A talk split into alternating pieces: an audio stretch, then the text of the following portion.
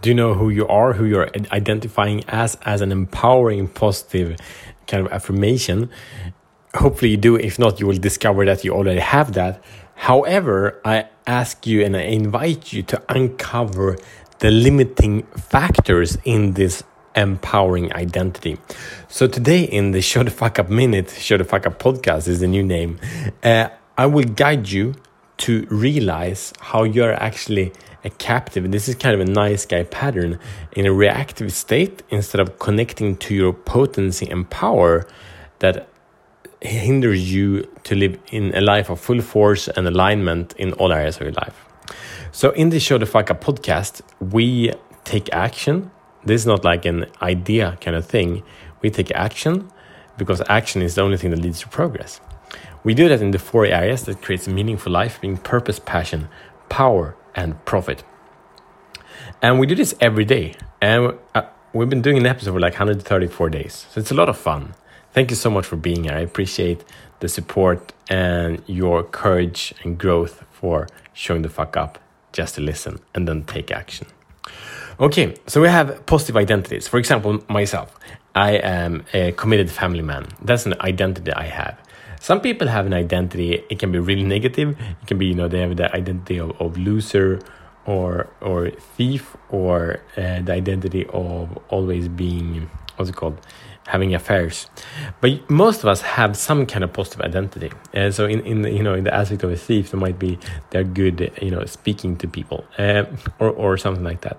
So what is the identity that you have as an empowering one? Other empowering ones can be like i'm loving i'm caring i'm present uh, i'm goal oriented i am committed i am disciplined i am fit uh, or it can be I'm good in nature, I'm good with animals, or like I'm, I'm an animal person. It can be uh, that I'm a great lover. It can be that, uh, what else? I'm an amazing coach. There are so many things, right, that we can identify as. So usually we have created this at some point in our life, uh, and we probably set a lot of intention, like this is who I want to become. If if you have yours from kind of childhood, it's probably a program from what your parents wanted you to be, or what your parents definitely didn't want you to be. If they wanted you to be a good student, maybe your identity today is that you're a really poor student. Anyway, so we will uncover something that's really powerful in this.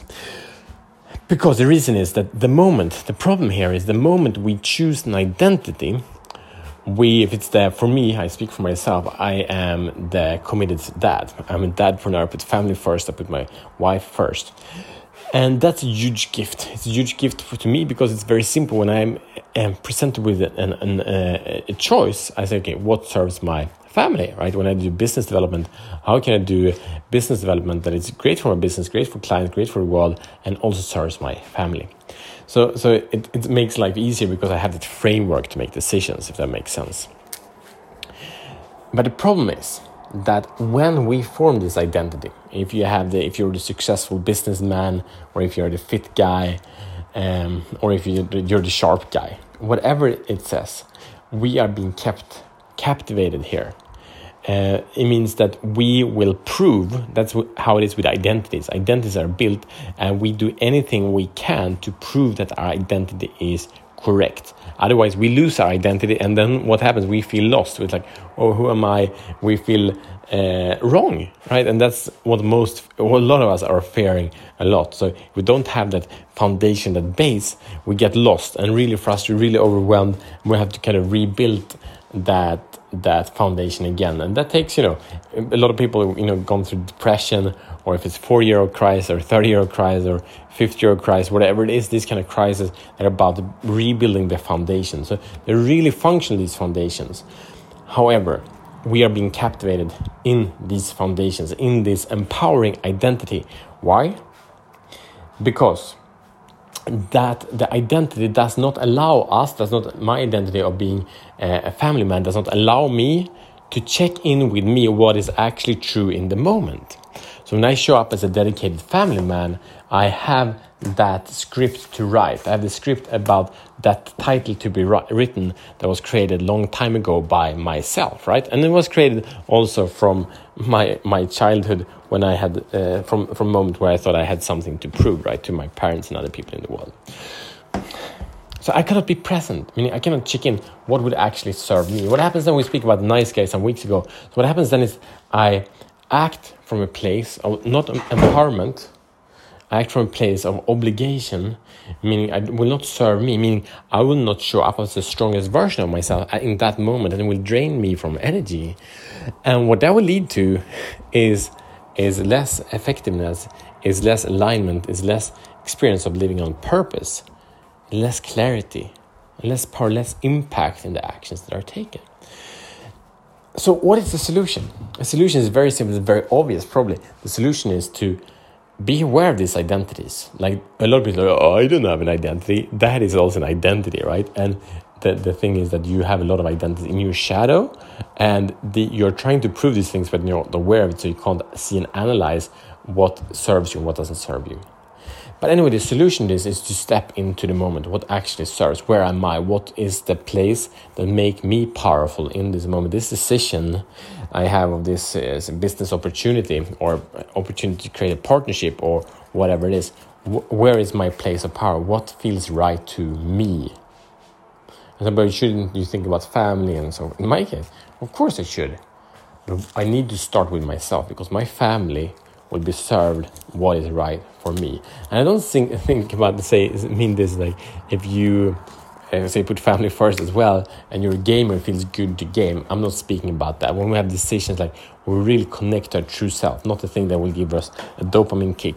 Sure that feels good but that's not the level we're talking about okay? So you make this decision be clear where are you coming from? Where are you going towards? And not to prove that identity.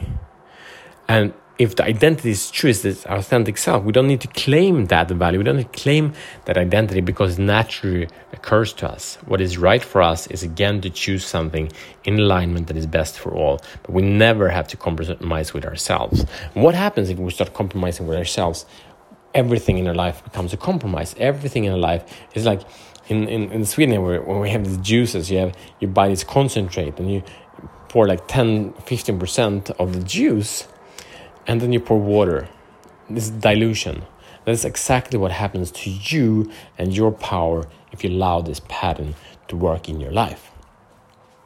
So, do you get it? So either we have identities that are empowering and good, we want them because it creates clarity and ease. However, when we're making bigger decision, we can't be controlled by them because what happens then is that we don't show up as who we are and we lose a lot of power and we don't serve anyone in our world, definitely not ourselves. We are di diluting ourselves, and at one point, you will be so lost, so depressed, so you have nowhere to go. You don't even know where to start. So, your mission, should you choose to accept it, is to first identify your uh, identities, identify your identities. And then number two is to, when you're in a moment of, you can check in right now in your life, the decisions, the fruit you're, you're having right now in your life, the good ones and the bad ones, check in on those. Why did you make those decisions? Who were you serving when you made these decisions? Did you make this decision in obligation to others, or did you make this decision from your absolute truest strength of you? So identify what what identities ident- identities you have, and then check in on your life right now. How did you make these decisions? And then uh, finally, when you are in a new decision opportunity, check in on that and say, is this the place of power in me? Does this feel true? Does this feel light to me? That's it. Uh, download uh, Show the Fuck Up to uh, Life Mastery Planner to own the day, to create it, and to harvest it day by day to grow in power and clarity.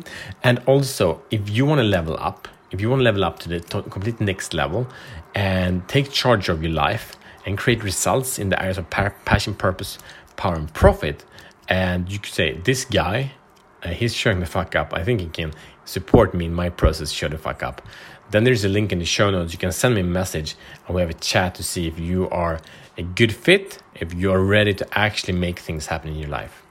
See you tomorrow as better men.